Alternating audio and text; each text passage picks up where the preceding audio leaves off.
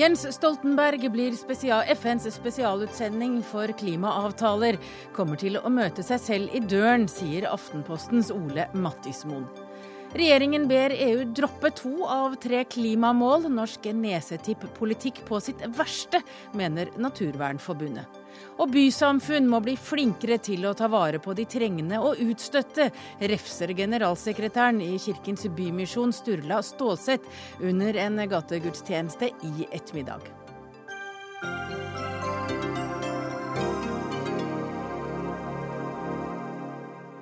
Ja, dette er noen av sakene i denne lille julaftensendingen her fra Dagsnytt 18.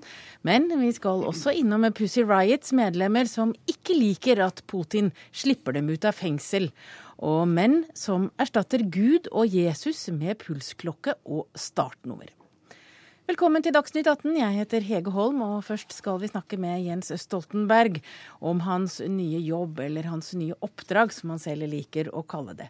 I ettermiddag tikket det inn en beskjed fra kontoret til FNs generalsekretær om at altså tidligere statsminister Jens Stoltenberg blir FNs spesialutsending for klima.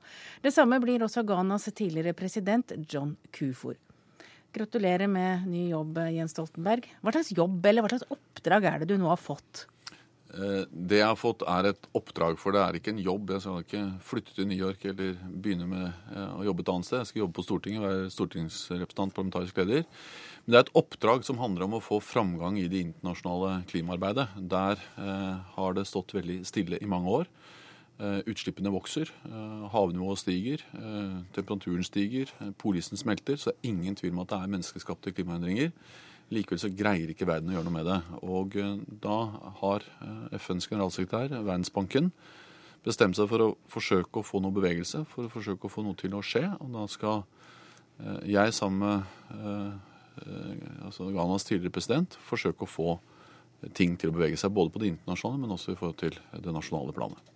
Og her hjemme er du jo også parlamentarisk leder for Arbeiderpartiet på Stortinget. Hvordan skal du klare å løse verdens klimaproblemer på deltid? Altså, Jeg skal jo ikke gjøre det alene. Eh, jeg eh, skal eh, altså jobbe noe mer. Det kommer til å innebære mer innsats fra min side mm, her i Oslo, jobbing herfra, men også en del reising.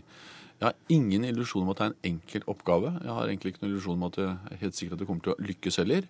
Men jeg mener at det er riktig at FN nå måte, prøver å ta et nytt initiativ for å få til bevegelse.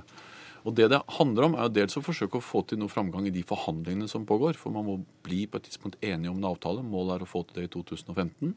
Men også å sørge for at det handles mens det forhandler. Eh, mens vi forhandler. For vi kan ikke vente med å iverksette tiltak mens vi driver og venter på resultater av en stor internasjonal forhandling som tar mange år.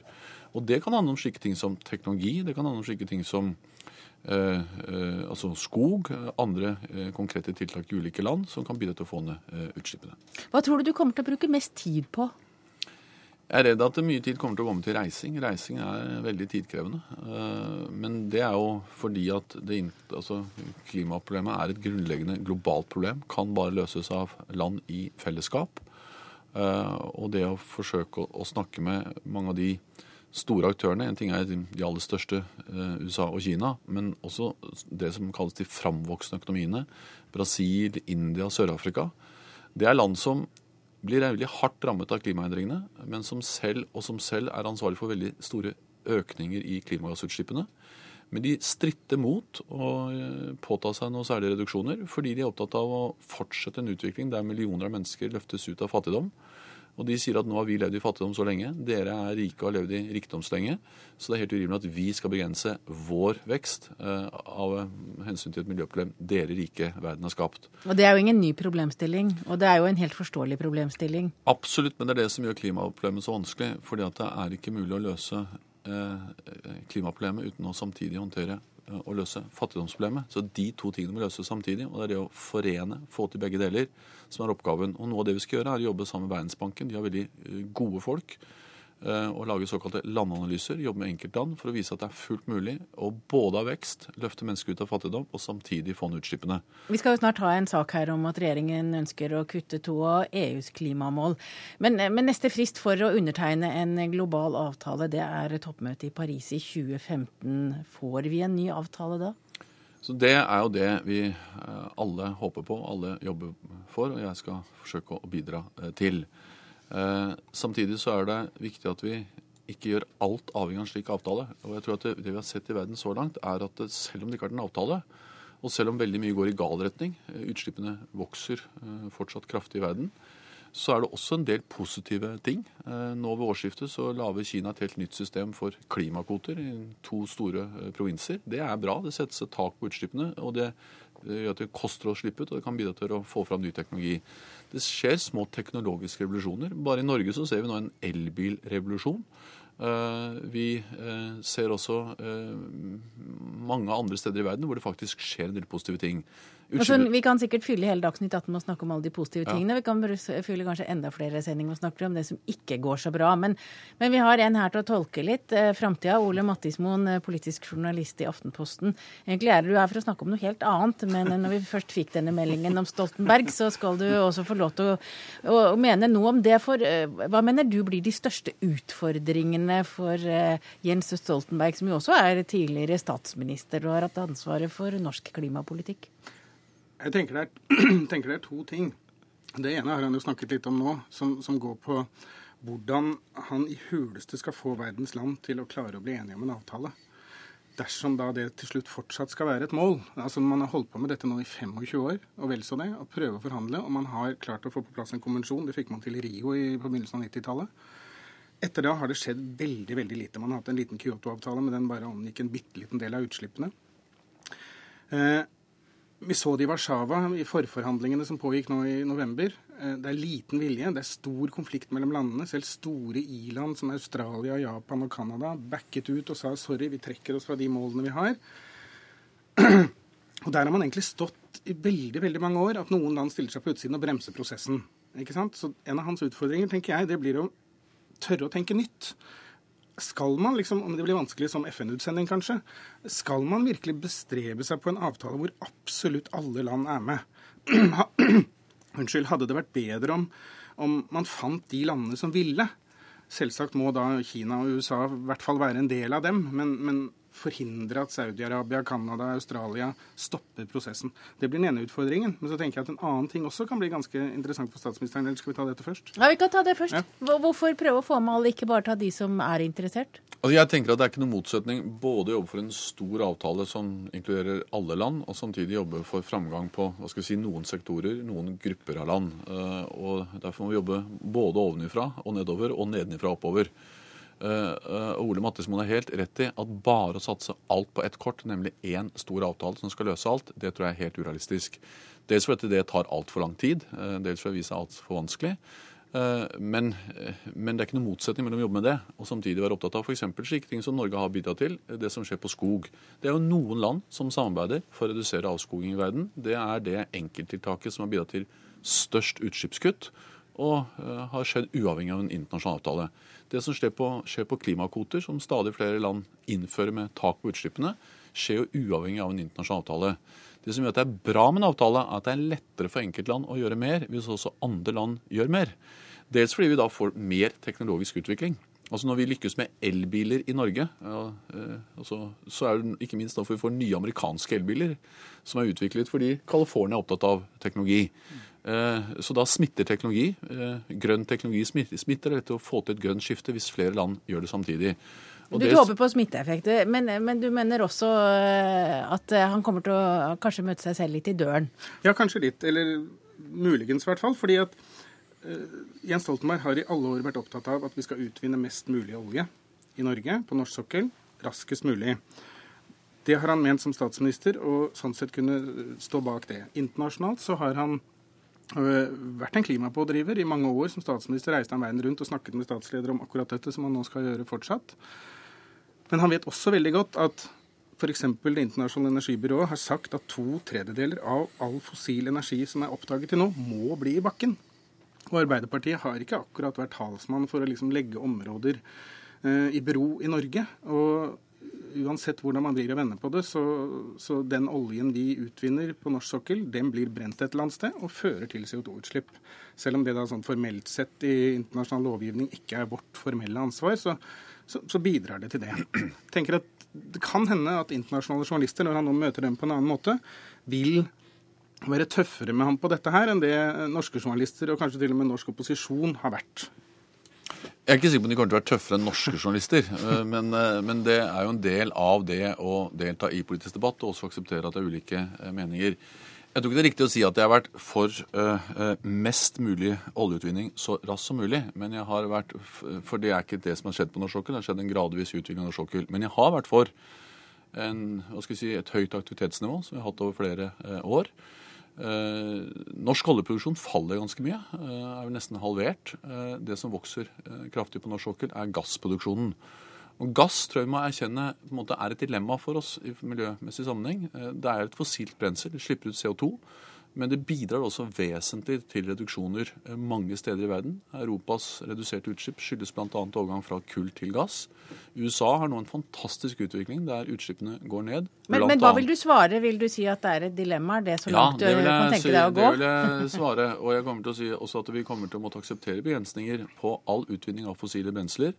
Det er viktig at vi får til eh, mest mulig hva skal vi si, felles regler som gjør at det som kuttes mest, er det som forurenser mest. Eh, det betyr jo at det er kull som kommer til å rammes. Gass vil lett være det som vinner eh, fram. Eh, og, og det, det, som er dilemmaet, er at verden trenger mye mer energi for å få vekst, for å få folk i jobb, og ikke minst for å løfte mennesker ut av fattigdom. Og så er spørsmålet hvordan får vi til både økt energiforbruk med reduserte utslipp. Et svar på det er karbonfangst, teknologi, og Det er også grunnen til at jeg har vært opptatt av det både som statsminister og kommer til å være enda mer opptatt av det nå. Og Dette skal du fortsette å diskutere på fritid og i arbeidstid er ganske heftig i månedene som kommer, Jens Stoltenberg. Det er lille julaften i dag, så nå skal vi snakke om det Ole Mattismoen egentlig kom hit for å snakke om. Men først vil jeg spørre deg, har du noen sånn klimasynder i julen som du, som du vil prøve å klare deg unna? Har du noen ideer om at du skal oppføre deg annerledes? Jeg, jeg, tror ikke julen er den verste tiden, for da er jeg veldig sånn uh, hjemme. Uh, og Det er begrenset hvor mye klimasynder jeg kan finne på. Uh, det er egentlig når jeg reiser, flyr, at jeg nok bidrar mest til verdens utslipp av klimagasser. Reise det gjør jeg veldig mye i jobbsammenheng, men jeg minner om at jeg også liker å reise i privatsammenheng. Og stadig flere nordmenn reiser stadig mer, og jeg har problemer med å moralisere over det. Men jeg er enig med det jeg oppfatter er Ole Mattismoens hovedpoeng, nemlig at, det, at det, det, er ikke sånn at vi nå liksom kan måtte ha dårlig samvittighet for å feire jul. Vi skal feire jul med god samvittighet. Og så skal vi tenke ja, hvordan vi kan bidra til å reise mer kollektivt, bruke sykkel, gå, innrette oss miljøvennlig. Og så mener jeg at det er ikke noe, igjen noen motsetning mellom å være opptatt av det vi gjør frivillig, hver enkelt av oss, og det vi gjør kollektivt gjennom lover, regler, skatter, avgifter, klimakvoter. Det er ikke noe enten-eller, det er både og i arbeidet med å redusere verdens utslipp av klimagasser. Ja, Mattis Moen, nå tok han jo en del av poengene dine, for du skrev i Aftenposten i dag at eh, folk skal ikke ha så dårlig samvittighet for hva de gjør mellom jul og nyttår. Det er mer det som skjer mellom nyttår og jul. Ja, det er det, altså. Det, men har jeg... folk så dårlig samvittighet, da? Nei, det vet jeg ikke. Jeg er for litt av det, men jeg, jeg bare merker hvert år hvor disse stemmene, som jeg kaller i den kommentaren jeg skriver i dag, dukker opp i mediene og liksom forteller oss at nå må vi bremse, vi må eh, de kommer veldig ofte rett før jul, og det er klart at det er et vanvittig forbruk rett før jul. Vi kjøper masse ting og gir bort i gaver som, som, vi ikke gjør ellers i året. Det er jo ganske naturlig, ettersom julaften er bare én gang og rett før der, og da skal alle ha gaver, og ikke så videre til bursdag som ellers.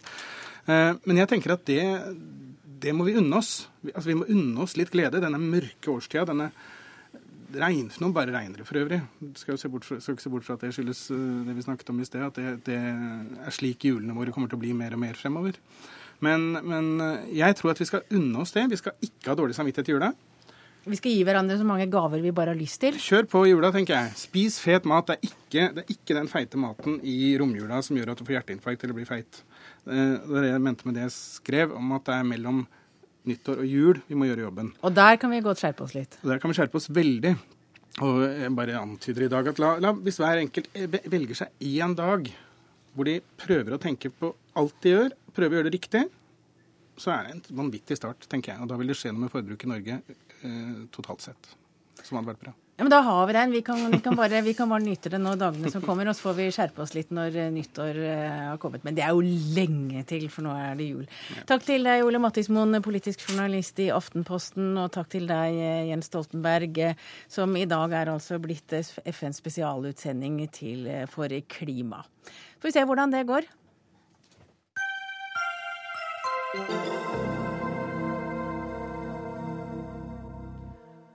Ja, Vi skal ikke holde oss helt unna klima, for eh, det skal fortsatt handle om regjeringer og klima.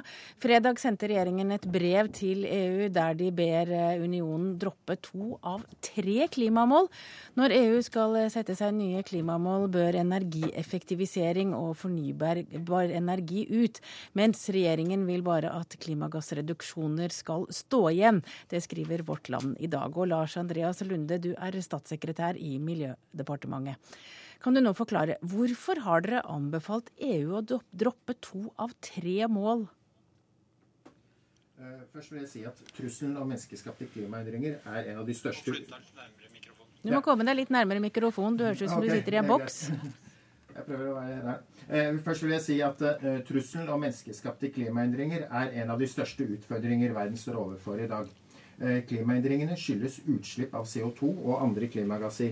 Skal vi derfor løse klimautfordringen, må vi fokusere på å redusere utslippene av CO2 og andre klimagasser. Det betyr at det må bli dyrere å forurense, dvs. Si slippe ut klimagasser, og billigere å opptre miljøvennlig, og mer lønnsomt å utvikle nye klimavennlige teknologier og produkter. Det må settes rett og slett en pris på CO2 gjennom f.eks. kvotehandel eller avgifter siden det som skal til for å, for å, løse klimautfordringen, er å redusere utslippene av klimagasser, er det dette som må være målet, og alt annet blir virkemiddel. Så du mener altså for å kunne satse på ett eh, mål, så må man droppe de to andre? Eh, I dag har EU tre mål. I tillegg til reduserte klimagassutslipp, så er det økt andel fornybar energi og energiøkonomisering. Dette er i og for seg gode ting, men de er til dels innbyrdes motstridende. Og det er også delvis motivert ut fra andre uh, målsettinger, slik som å styrke Europas forsyningssikkerhet for energi og for å uh, støtte europeisk industri. Maren Esmark, du er generalsekretær i Naturvernforbundet. Hva syns du om det grepet regjeringen nå tar? Jeg er helt uenig. Og for å være ærlig så lukter dette litt sånn dårlig skjult ønske om å eksportere norsk gass til EU og en frykt om at eh, det markedet kollapser hvis EU nå strammer inn klimamålene sine. EU har i dag et veldig godt klimamål, eller tre gode klimamål, som heter de 20-20-20-målene, som sier at innen 2020 skal de ha kuttet klimagassutslippene sine med 20 redusert eh, energiforbruket med 20% og 20% økt andel fornybar.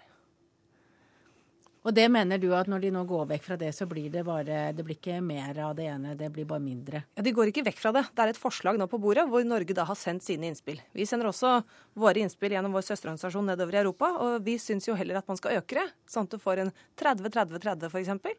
Eh, fremover eh, istedenfor å kutte ut to av disse gode målene. Fordi hvis du eh, kutter 20 av energiforbruket, så er jo det også med på å redusere utslippene, så du får en dobbel og en bedre effekt. Har vi med oss deg, Lars Andreas Lunde? Ja, nå kom jeg inn og jeg var ja, litt Der var du mye klarere. Ja, I brevet til EU så skriver dere at naturgass kan spille en viktig rolle som erstatning for kull og som supplement til fornybar energi. Og er det mye økonomisk å hente når dere nå ber EU om å kutte to av tre klimamål? Nei, dette er først og fremst fordi at vi ønsker å fokusere på å redusere klimagassutslipp for å møte klimautfordringen. Så er det klart at på kort til mellomlang sikt så vil gass kunne spille en rolle. Dersom Europas kullkraftverk skiftes ut med gasskraftverk, så vil det redusere klimagassutslippene med 50% På kort sikt så vil det derfor bety, ha betydelig effekt. På litt lengre sikt så er vi også nødt til å erstatte gass med fornybar energi. Men vi husker huske på at også Det internasjonale energibyrået sier at om 20 år, i 2035, så vil mesteparten av verdens energiforbruk fortsatt være fossil energi. Derfor er det viktig at vi går fra kull, som er det verste av de fossile energikildene, til gass, som er det beste. Men over tid så er vi nødt til også å erstatte gass med fornybar energi. Men da rister du på hodet, Maren Esmark? Ja, vi har ikke tid til å vente. Vi har ikke tid til en mellomfase hvor vi skal over på gass. Eh, dette virker som et desperat forsøk fra regjeringa for å holde på gassmarkedet i Europa. Ja, det er et problem at uh, kullkraftverkene i Europa fortsatt går. Men det er i hovedsakelig et problem fordi det er for billig å forurense. Fordi EUs kvotemarked ikke virker. Så du må få på plass en avgift som gjør at de kullkraftverkene ikke er lønnsomme å starte opp, ikke lønnsomme å fungere. Og det er ikke norsk gass som er løsningen. Det er en fornybar en utbygging av det fornybare, og det er også en energisparing. Så det er er, jeg, må si, jeg er veldig skuffa over at regjeringen går ut her og ber EU stryke målene sine om energieffektivisering og økt fornybar utbygging. Men det er jo nettopp en økt, klima, økt pris på klimagassutslipp vi ønsker, med at vi fokuserer på ett ambisiøst utslippsmål. Mer fornybar energi er vel og bra, men det er ikke målet i seg selv. Og jeg er litt overrasket over at Naturvernforbundet mener at det er et mål med flest mulig elver og rør og flest mulig vindparker langs kysten. Fokuset må være å redusere klimagassutslipp, og ikke, ikke nødvendigvis øke produksjonen av energi. Eh, en økt pris på, på klimagassutslipp vil gjøre kullkraftverk mer kostbare og vil styrke konkurranseevnen til fornybar energi. Men økt energiproduksjon er ikke noe mål i seg selv. Sånn, Nå kommer jeg over på temaet som jeg svært gjerne vil snakke om, nemlig utbyggingen av fornybar energi. Og Problemet her er jo at vi ikke har et norsk mål om energisparing. Så vi har jo store forventninger til denne regjeringa, som har lovet oss en energimelding. Men det er en litt annen sak enn det vi ja, egentlig er inne på. Ja, men den forrige regjeringa lovet oss en energimelding. Det fikk vi aldri. Og så kan jeg spørre spørsmålet nå. Er dere villige til å sette et energieffektiviseringsmål for Norge? Ja da, det står i Sundvolden-erklæringen både at vi skal et, sette et energiøkonomiseringsmål for Norge, og vi skal komme med energimelding som setter klima, energiproduksjon og verdiskapning i sammenheng. Og I tillegg til det så skal vi også i løpet av 2014 innføre et skattefradrag for husholdninger som investerer i energiøkonomisering i sin egen bolig. Ja, dette er jo fine tiltak, men dere ønsker ikke at EU skal ha den samme virkemidlene. Det er veldig rart. Eh, når det gjelder utbygging av fornybar, så er det helt rett. Det har store konsekvenser. Og det er ikke bare norsk natur. Dette gjelder også den europeiske naturen. Både i Spania, Tyskland. Så ser vi jo at store områder bygges ned, at det går utover bl.a. trekkende fugl. Eh, fordi man har en storskilt utbygging av fornybar energi. Og de har de samme konfliktene som vi har her i Norge. Men det betyr ikke at EU må endre, endre sine mål for å få solgt mer gass til EU. Nå vet vi jo ikke hva som skjer med EU, men Lars Andreas Lunde, du er altså statssekretær i, i Miljødepartementet. Kjenner dere nå litt sånn der pusten i nakken når vi i dag hører at Jens Stoltenberg blir FNs spesialutsending for klimaet? Nei, det synes jeg det syns jeg bare er hyggelig. Jeg vil gjerne få gratulere Jens Stoltenberg med en veldig spennende og veldig utfordrende og veldig viktig jobb. Det er vi veldig glad for. Det er i Norges interesse, og det tror jeg også vil være i verdens interesse. Men det kan jo komme da et ekstra fokus på hva vi gjør her i landet? Ja, det tror jeg bare er bra. Eh, det tror jeg vi, vi, vi, setter pris på. Og vi gjør jo veldig mye bra her i landet. Og, hvis, og jeg er også sikker på at Jens Stoltenberg har jo stått, bra, stått bak veldig mye bra her i landet. Og hvis han også kan bringe med seg det internasjonalt, så er jo det absolutt en styrke for klimaet. Og jeg vil tro presset kommer begge veier. Takk til eh, Maren Esmark, generalsekretær i Naturvernforbundet, og Lars Andreas Lunde, statssekretær i Miljødepartementet.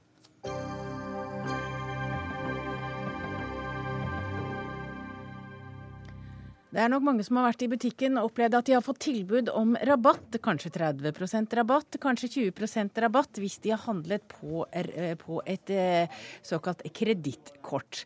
For det har skjedd flere steder, og stadig flere kredittkortselskaper tilbyr nå rabatter eh, hvis man har deres kredittkort. Men det er noe du ikke er så veldig begeistra for, Jo Gjedrem. Du er fagdirektør i Forbrukerombudet. Hvorfor liker du ikke denne formen for kredittkorthandel? Ja, det vi ikke liker, er at uh, vi ser uh, stadig mer uh, markedsføring for forbrukslån i stadig flere kanaler, og den blir stadig mer spisset. Ja, for du kaller det lån når vi går inn og får tilbud ja, om rabatt hvis vi kjøper? Ja, dette er jo et forbrukslån som må betales tilbake. For den enkelte forbrukeren vil jo problemet med dette kunne være at det fort blir veldig dyrt. Man får noen hundre kroner i avslag på for å ta opp dette lånet. Men hvis man ikke da får betalt det i januar, hvor det er mange av oss som har det eh, litt knapt, så eh, blir det fort veldig dyrt. Så det er de dårlige betalerne som nok en gang får svi, de som egentlig handler over evne? Det er det. Og i tillegg så, så må jeg si det at det er jo en, det er et større problem dette. ikke sant? Fordi at når vi ser eh, omfanget av markedsføringen og den eh, relativt påtrengende formen kredittmarkedsføring har fått Kan du forklare så, litt om hvor på, altså påtrengende den er? Ja, det kan jeg gjerne. Eh, du har eh, Det går på dette med mengde. Eh, man får det i posten. Man får det når man går i en brune hvitevareforretning. Man får det på internett, på Facebook. Man får det når man spiller spill på internett, e-post osv. Uh, det er også standsalg. Sånn at kontaktflaten med denne bransjen blir stadig større. Og så får du tilbud om å handle på kreditt mot at du får prosenter, og så seinere får du regninga i posten, og da har du kanskje ikke råd til å betale. Kanskje du ikke har råd til å betale det, men poenget med dette er jo at uh, det, bankene ønsker, er jo at dette skal over i et bare bære renter. ikke sant? At du skal betale renter av det. Og disse lånene er jo dyre. Og da er det rett og slett sånn at dette, denne rabatten meget raskt kan bli spist opp. Da. Er det det som er tanken bak Jan Erik Fonne? Du er kommunikasjonsdirektør i Finans-Norge. Nei, det er ikke det. Og jeg tror det er to Ja, Hva skal man tjene penger på da? Eh, nei, jeg tror, jeg tror, det er to, to, deler ved denne debatten. Det ene er bruk av eh, kreditt generelt, og det andre er markedsføringen. Og Når det gjelder markedsføring, så er jeg helt enig med Forbrukerombudet. Vi må, og Der gjør Forbrukerombudet en god jobb med å slå ned på markedsføring som er for påtrengende, og som går utover, utover reglene. og det, det, er vi helt enig, enig i. Ja, Hva mener du er for påtrengende? Altså, vi, vi, vi, skal ikke definere det, men uh, der har Forbrukerombudet et sett regler. Og, og vår strenge oppfordring til både kredittkortselskaper og andre er at uh, dette er regler som skal, som skal, følges, og som man ikke skal prøve å, å tøye på. Uh, når det er sagt, så vil jeg også, også si at uh, for mange så er uh, kredittkort et meget godt, godt, verktøy og et hjelpemiddel. Men det er et verktøy du må klare å, å håndtere. Det å handle på kreditt er ikke noe, noe, nytt i Norge, det har vi gjort i mange hundre år. Men du må altså sørge for å ha betalingsevne når regningen eh, detter ned i, i, postkassen. Så det å få 20-30 rabatt og betale om 45 dager er et kjempegodt tilbud. Men det fordrer at du har pengene å betale det når, når regningen kommer. Ja, for Gjedrem, I utgangspunktet er det jo rett og slett et eh, rentefritt lån med mange prosenter i rabatt, hvis du bare har pengene 45 dager senere? Ja, og det er det jo en god del som ikke har, da, og, og dermed så tjener bankene penger på det. Og Det er helt greit og, og helt realt. Men eh, når vi ser mengden av dette, og når vi ser eh, det helhetlige presset, så er vi redd for at flere forbrukere skal gå, havne et skritt videre, nemlig få gjeldsproblemer. Og Det er da vi sier at eh, vi tror at det å se på kredittmarkedsføring, en strengere regulering av det, er fornuftig. I tillegg så er vi tilhengere av gjeldsregister for at bankene skal kunne gjøre en bedre jobb med å skille ut de forbrukerne som ikke bør ta opp forbrukslånet. Og vi er også tilhengere av sånne ting som utdanning i, i, sko, i skolen, for å forberede ungdommen på, på uh, denne voksenverden, som også innebærer kreditt. Ja, vi har jo hørt at det er mange ungdommer som ikke helt forstår det der med at de må betale tilbake eh, så raskt, ellers så påbeløper det renter. Og det er jo ingen som snakker så veldig høyt om det. Nei, vi er helt på linje med Forbrukerombudet der. Og vi har jo et program sammen med Forbrukerombudet, eller med, med, med bistand fra Forbrukerombudet på å informere bl.a. skoleungdom om, om, eh, personlig økonomi. Jeg tror det er veldig viktig. Eh, så er det jo sånn at eh, bankene, ingen banker har lyst til å gi kreditt til noen som ikke kan gjøre opp for seg. Så Det er blitt mye strengere når det gjelder å få, få kredittkort også fra bankene. Og Det tredje er at vi må være veldig flinke med å informere forbrukerne når de tar opp et eh, kredittgjeld, eh, hva dette innebærer i forhold til hva de, til, hva de, eventuelt må betale tilbake, og hva slags rentesatser det Men Hva slags rentesatser er det man opererer med i disse kredittkortlånene som du får samtidig som du kjøper noe? Ja, Det kan jo lett være en nominell rente på 18% f.eks. Um, ja, det, svir hvis du bruker et par måneder på å betale tilbake en eh, ja, og, del tusen? Og for de som havner i utføre, så er jo dette en spiral som gjør at det blir dyrere og dyrere, så man graver seg lenger og lenger ned i det. Og det er riktig det at de fleste av oss klarer å betjene kredit, eh, bruke et kredittkort på en rimelig fornuftig måte og at dette rammer en gruppe mennesker. Men det rammer svært hardt der det rammer. Eh, og vi bør eh, være oppmerksomme på og passe på at eh, det i hvert fall ikke øker som et problem. Og Da er det viktig å se på, på markedsføringen også. altså. Fåne, vi har jo forsøkt å få med oss noen av de institusjonene som tilbyr disse lånene med kreditt, men det har jo ikke vært så enkelt. Det er derfor du er med. Men hva kan dere gjøre i Finans Norge for å på en måte gjøre det kanskje litt mer renhårig i markedsføringen? Jeg tror ikke markedsføringen er noe urenhårig, men jeg tror vi skal være såpass ærlige og si at det er kanskje noen som ikke bør ha uh, kredittkort. Uh, som får det? Er, som, nei, altså vi bør, både bankene bør, bør, fortsette å være strenge i praksis når det gjelder å gi kreditt. Jeg tror det er viktig at vi men er det ikke først når folk ikke klarer å betale ned lånet med en gang, at de tjener penger? Altså når det påløper renter fordi man ikke har penger på konto til å betale? Jo, hvis, hvis, det blir betalingsproblemer, så er det jo banken som, som, taper på det. Så det er det jo ingen som er interessert i å, å gi et kredittkort til noen som ikke klarer å gjøre opp for seg. Så der er, eh, er vi i samme båt eh, alle sammen. Så jeg tror det, det er viktig å sørge for oppfordre folk som ikke kan håndtere det, til ikke å, ikke å bruke, bruke kredittkort informere godt om, eh, om, rentesatser og hva som er konsekvensen av å handle på kreditt hvis ikke du betaler innen, innen fristen. Jeg sitter med en viss eh, følelse av at de som mottar den informasjonen, er de som allerede klarer å betale.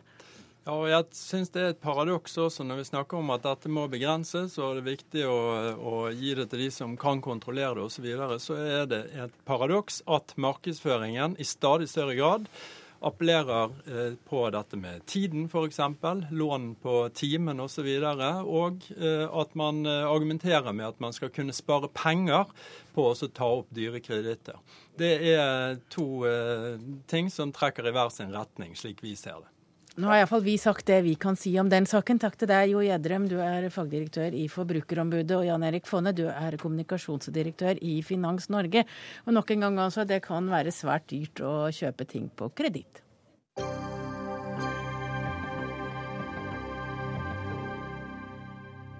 Da skal vi da skal vi eh, litt utaskjærs her i eh, Dagsnytt 18. Vi skal til Russland, der i dag to medlemmer av den omstridte musikkgruppen Pussy Riot ble sluppet ut av fengsel. Medlemmene i bandet ble dømt etter at de fremførte en sang med sterk kritikk av president Vladimir Putin i en katedral i Moskva.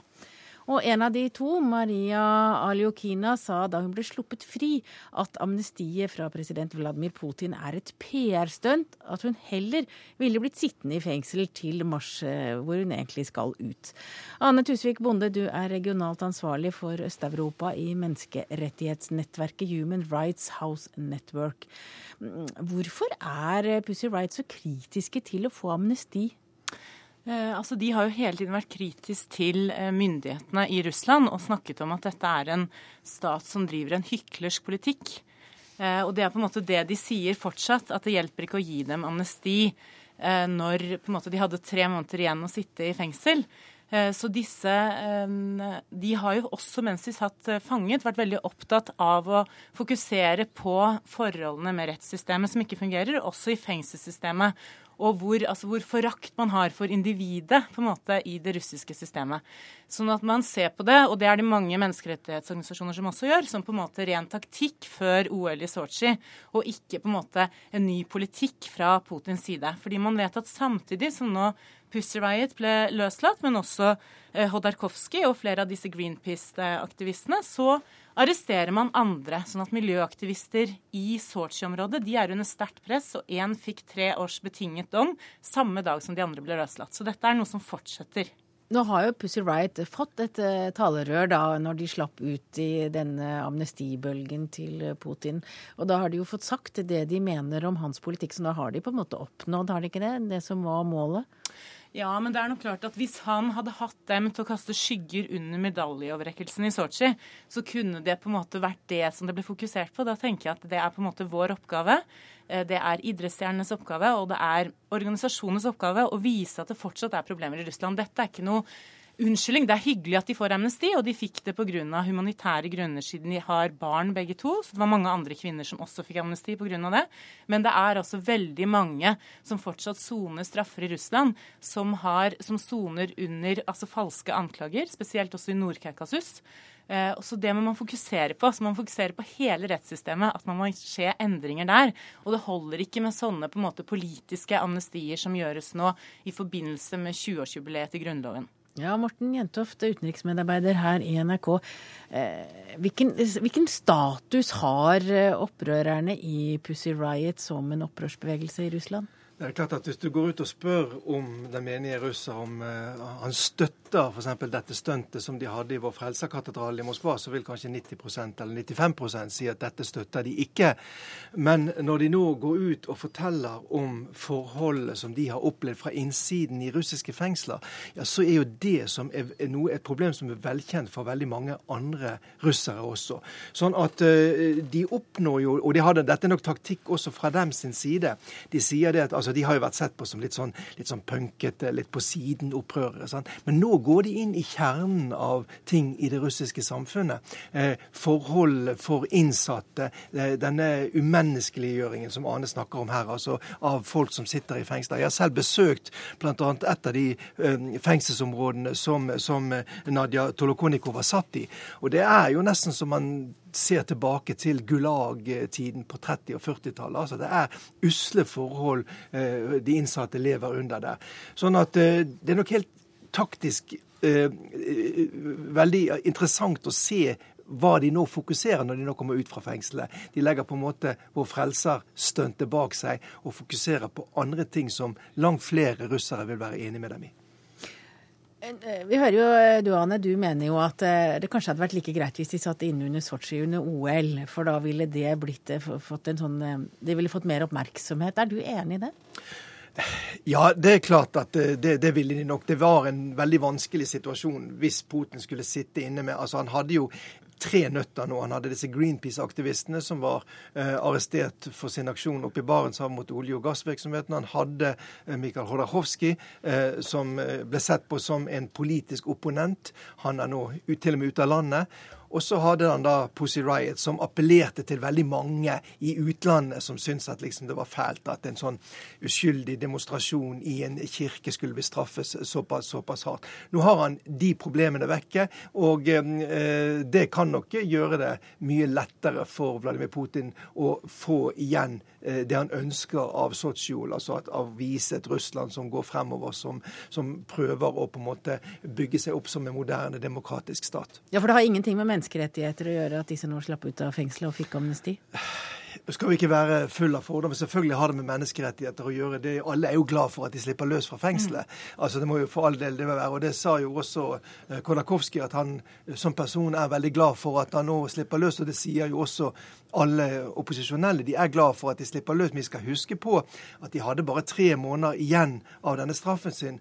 Kodakowski hadde jo heller ikke mer enn et drøyt år igjen av sin straff. Det var jo ikke sånn at de ble benådet, eller på en måte de, eh, de ble tilgitt. altså de, Man på en måte sa at de var begått noe feil mot dem. Tvert imot så handler det jo ikke egentlig om det. Men selvfølgelig så er det positivt, og det viser jo også kanskje det Russland vi har i dag. Altså, det er et Russland som vakler litt videre, ikke helt hvor, vet hvor man går. Det skjer ting som vi syns er helt uforståelig. Og så skjer det positive trekk. Ja, er du enig i det, at dette også er positivt? Ja, altså Det er positivt at folk får amnesti, men likevel så er jo situasjonen veldig ille. Man har de samme altså lovene som går mot politiske og sivile rettigheter i Russland, som nettopp Pussy har poengtert og sagt at dette er grunnen til at vi må gjøre sånne stunt, for vi har ikke andre muligheter til å nå fram i det russiske samfunnet. Så jeg er ikke enig i at man vakler.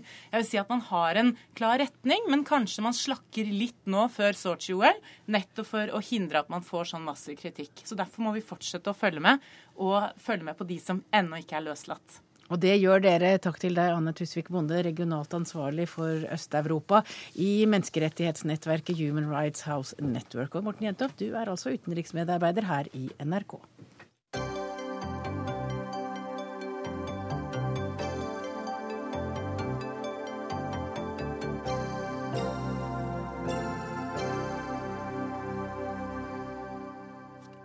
Norsk Presseforbund er kritisk til hvordan Stortinget skal ansette ny sivilombudsmann. Det skriver Dagens Næringsliv i dag.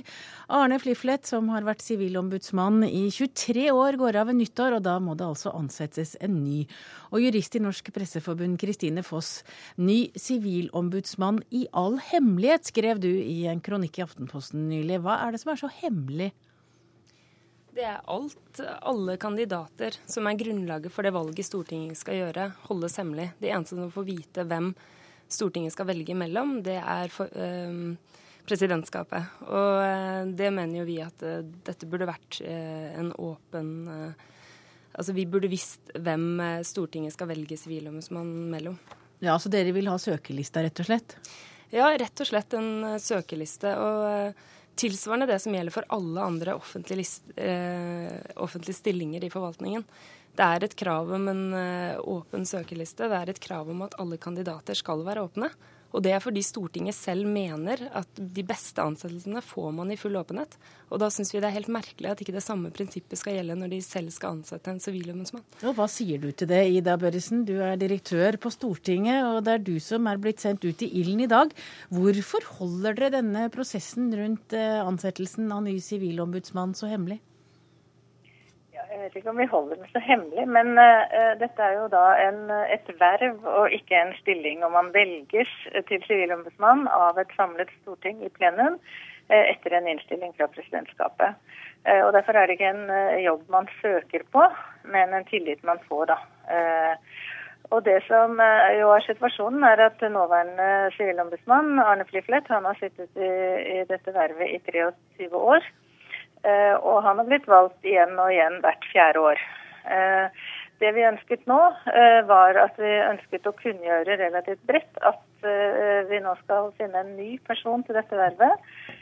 Og invitere da både de som eventuelt var interessert, og de som visste om noen gode kandidater, til å melde seg til oss. Og vi har da, og det har fungert på den måten at, at det er mange som har meldt seg, og vi har fått mange gode tips på personer. Med andre ord så har dere jo en lang liste over mennesker som er eh, interessante til stillingen? Ja, vi har en liste som både folk som er interessante, som ikke er interessert, som er interessert, som er interessert og kanskje ikke er så interessante. Så her er det, her er det mange navn. Og det som foregår nå, er jo da at man skal eh, finne frem til noen kandidater som presidentskapet da skal, eh, skal vurdere nærmere. Vil de bli kjent for offentligheten? Før jeg, presidentskapet? Nei, nei det, man har sagt at man ikke ønsker det. Og øh, nå sies det her at man er den samme, samme person, nei, samme øh, prosedyre som man har ved embetsstillinger. Og det er for så vidt riktig, men man vet jo også at i de stillingene så foregår det jo prosesser på forhånd. Og de som til slutt kom på en søkeliste, er jo i hvert fall den som Eh, den som eh, får stillingen, og kanskje ikke så mange andre. Så dette er jo vanskelige ting i forhold til at det er mange av disse personene som er profilerte personer, som ikke nødvendigvis ønsker å annonsere at de er interessert i et sånt verv som dette. Ja, nå var det veldig vanskelig å høre hva hun sa, men uh, At det er mange som er interessert kanskje i stillingen, men som ikke har lyst til å stå på en liste hvis den skal være åpen, for da har ja. de ikke lyst til å stå der, rett og slett. Men det er jo argumentet vi også får eh, mot den regelen vi har i offentlighetsloven. Og, eh, og, det, Stortinget selv har jo bestemt at vi skal ha søkerlister, og da må jo de selv, om ingen andre, så må jo de kunne stå for de prinsippene, prinsippene de selv har vedtatt en lov på bakgrunn. Og det er jo også veldig viktig å huske på altså det at det er et uh, valg, er jo ikke i seg selv noe argument mot åpenhet. Vi har jo ikke tradisjon for hemmelige valg i Norge. Og det er jo fullt mulig for Stortinget her å bestemme seg for at her ønsker vi en åpen prosess.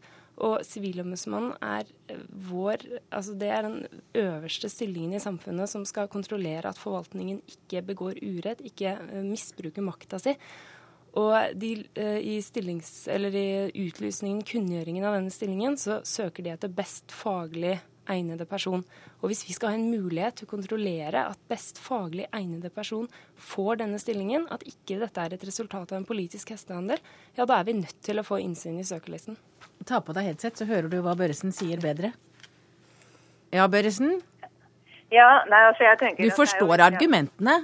Ja, jeg forstår for så vidt argumentene, men jeg tenker at det er jo også veldig viktig å ha tillit til den eh, prosessen som pågår nå. Og eh, alle, ikke minst eh, Stortinget, ønsker jo å få den best mulige sivilombudsmann til det vervet. Eh, og det er f.eks. Eh, kan man se med at når det gjelder valg av eh, riksrevisor eller andre ombudsmenn som Stortinget velger, så har man ikke samme omfattende prosedyre som man nå har valgt her. Så alle er interessert i å få en, eh, en, veldig god person, og man er veldig opptatt av at det ikke skal være en politisert prosess. Det skal være et enstemmig storting som skal uh, velge denne personen, uh, og at det ikke skal være noe hestehandel, men at man skal ha vurdert mange gode kandidater og enes om det beste. Men uh, tillit handler jo nettopp om åpenhet. Og det har jo til og med Sivilombudsmannen. Eh, han har uttalt det i veldig mange uttalelser. At åpenhet og tillit er en av de viktigste hensynene og eh, en av de viktigste årsakene til at man eh, får gode ansettelser i forvaltningen. Og da er det jo, Hvis man virkelig mener at man ønsker best mulig person, og en person som har tillit til samfunnet, så ville man jo virkelig vært tjent med å også være åpen på dette området og fulgt de samme prinsippene som den kommende sivilombudsmannen skal verne om, og som den sittende sivilombudsmannen i dag verner om. Vidar Børsen, kan ordningen kanskje ha gått litt ut på dato? Det skal jo ikke jeg vurdere så mye. Dette sies jo i loven. Det er jo en egen lov om Sivilombudsmannen eh, hvor det står at han skal velges av Stortinget. Eh, og om man ønsker å gjøre om på den, eh, den ordningen, så er jo det en annen sak som Stortinget da må ta opp. Men, men, det man har ønsket her, er jo at presidentskapet, som jo er politisk sammensatt av, av flere av partiene på Stortinget, de skal jo ha en avgjørende eh, innflytelse på denne eh, innstillingen som skal gis til, et, eh, til, Stortinget, og som da skal velge eh, i plenum Sivilombudsmannen. Her er det vel bare å se hva som skjer, for nå har iallfall du Kristine Foss både fått skrevet og sagt hva du mener om prosessen. Du er jurist i Norsk Presseforbund, og Ida Børresen, du har svart på vegne av Stortinget som direktør, og så er det jo en del politikere som også kan mene noe. Så kanskje siste ord ikke er sagt. Iallfall var det det vi skal eh, si om eh, sivilombudsmannsvalget i kveld.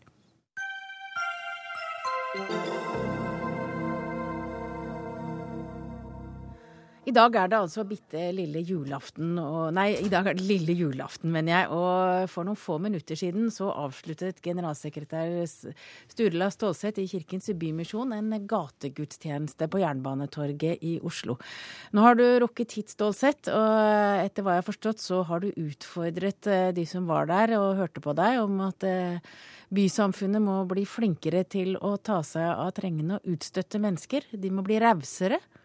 Var det noen som reagerte på det du sa? Eh, var det i det hele tatt noen av de du ville snakke til, som sto der?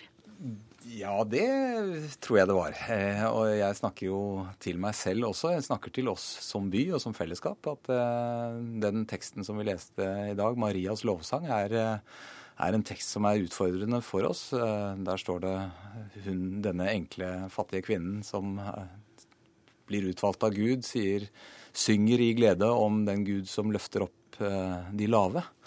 Og det tenker jeg er en utfordring også til vår, eh, vår, tid og vår by. Vi som er så definitivt i dette landet privilegert. Vi er på toppen på mange måter.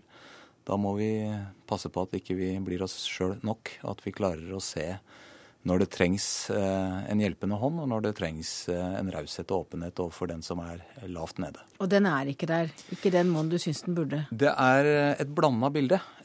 mange, ikke minst nå, gir penger til frivillige organisasjoner. er, stiller opp som frivillige. inviterer naboer, lager store fester. Det er raushet i vårt samfunn. Det er ikke noe tvil om det. Men så kommer det noen situasjoner og noen bestemte mennesker som av en eller annen grunn vi bestemmer oss for som samfunn at ikke vi vil være like gjestfrie og rause overfor. Det bekymrer meg. Det har vi sett eh, dette året og fjoråret. Eh, og vi ser det særlig i byens gater. At det er fattige tilreisende som oftere møtes med en kald skulder og en type logikk om at vi må passe på å ikke hjelpe dem for mye, for da kommer det så mange. Er det romfolket du tenker på? Ja, men det er ikke bare romfolk. Det er eh, folk fra Øst-Europa, folk fra Sør-Europa. Men mange av dem eh, tilhører gruppen romfolk, som jo er en av de mest diskriminerte folkegruppene og marginaliserte folkegruppene i Europa. Så det skulle være et ekstra stort behov for å være eh, gjestfri og raus overfor den gruppa. Og den eh, gategudstjenesten du har holdt i dag, det er vel nå det siste du gjør eh, som generalsekretær i Kirkens Bymisjon. Du gir deg ja. etter mange år i tjeneste. Hvorfor det? Jeg har eh, funnet ut at dette er en eh, riktig tid. Eh, jeg har hatt det fantastisk spennende og utfordrende i Bymisjonen. Og denne organisasjonen forlater man ikke med et lett hjerte. Men eh, samtidig så er det sånn at eh, andre skal eh, overta og ta organisasjonen videre inn i en ny strategiperiode. Jeg har eh, vært med i to eh, perioder og eh, vært med å forme og fått del i det arbeidsfellesskapet som Bymisjonen er.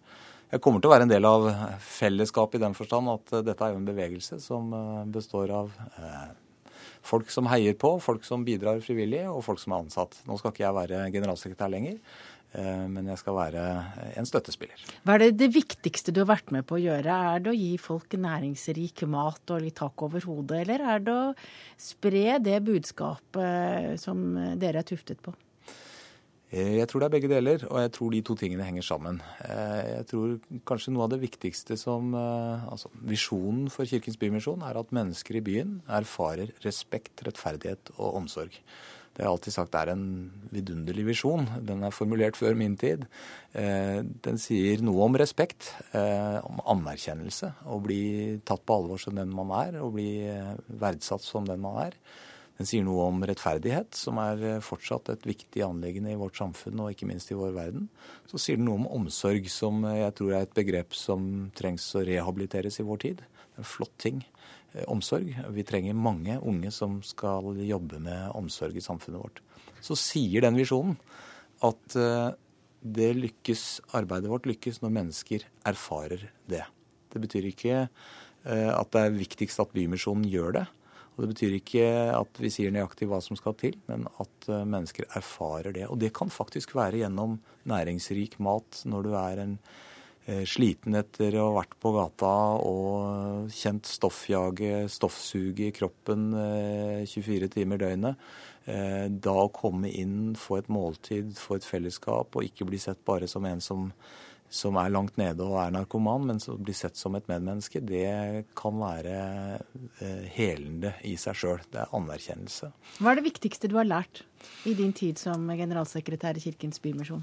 Jeg har lært veldig mye. Jeg har lært mye om eldreomsorgen, som jeg ikke kunne. Jeg har lært mye om, om rus og, og, psykiatri og de andre feltene vi er på også, men, men, kanskje har jeg lært mest om betydningen av at vi eh, skaper en, en, si, en et godt bilde rundt eldreomsorgen. Jeg har vært mange ganger ganske frustrert og fortvila over hvor lett det er å tenke Eh, negativt omkring eldreomsorgen. Vi blir aldri alle eldre. Det skjer utrolig mye godt innenfor der. Vi trenger at uh, unge ser at det er positive steder å jobbe. Uh, og at det er viktig for oss alle at eldreomsorgen fungerer. Og du, du, skal nå til Sagene menighet, og der bor du, og der skal du være sogneprest. Og der er det også mange eldre som sikkert er glad for det du sier nå. Mm. Men du blir sittende her. Du går ikke helt fra oss ennå på denne kvelden før kvelden.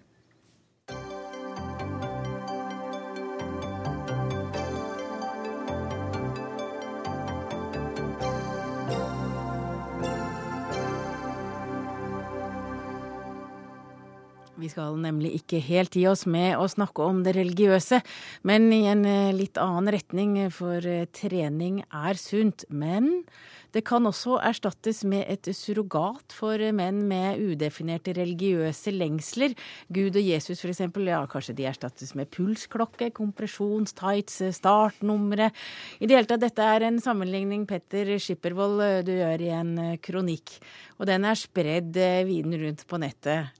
Mener du virkelig at trening rett og slett erstatter mange menns søken etter noe å tro på?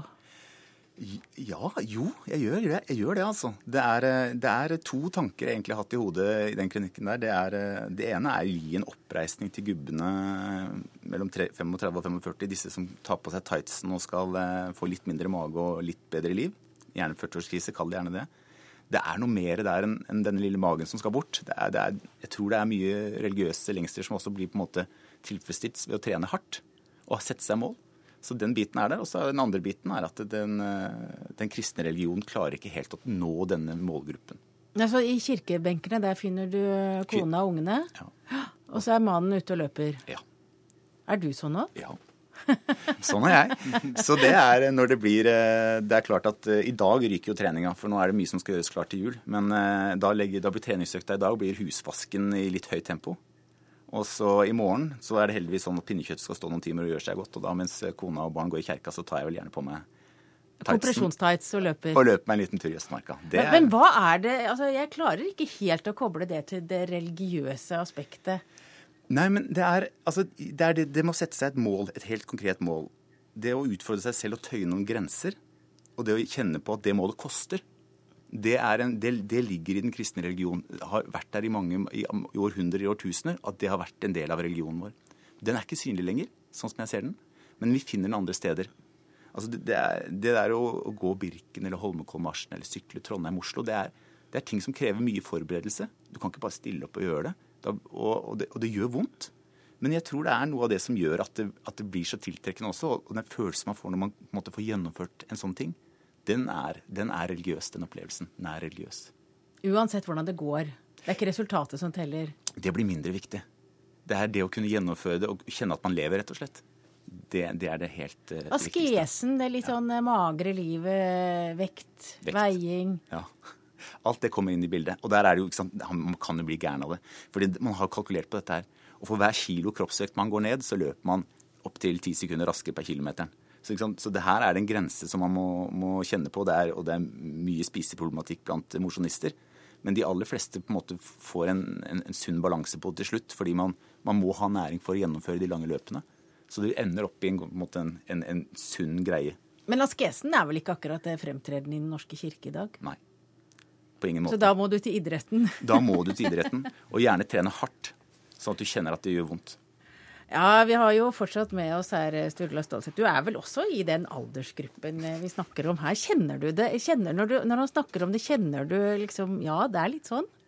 Jeg kjenner jo igjen eh, gleden over og interessen for eh, trening. Nå trenger jeg en ball å løpe etter stort sett for å, for å holde, holde, ut, men det syns jeg er veldig, veldig bra. Jeg syns det er et morsomt perspektiv som som Petter her drar opp med, med denne, ja, det religiøse perspektivet på det.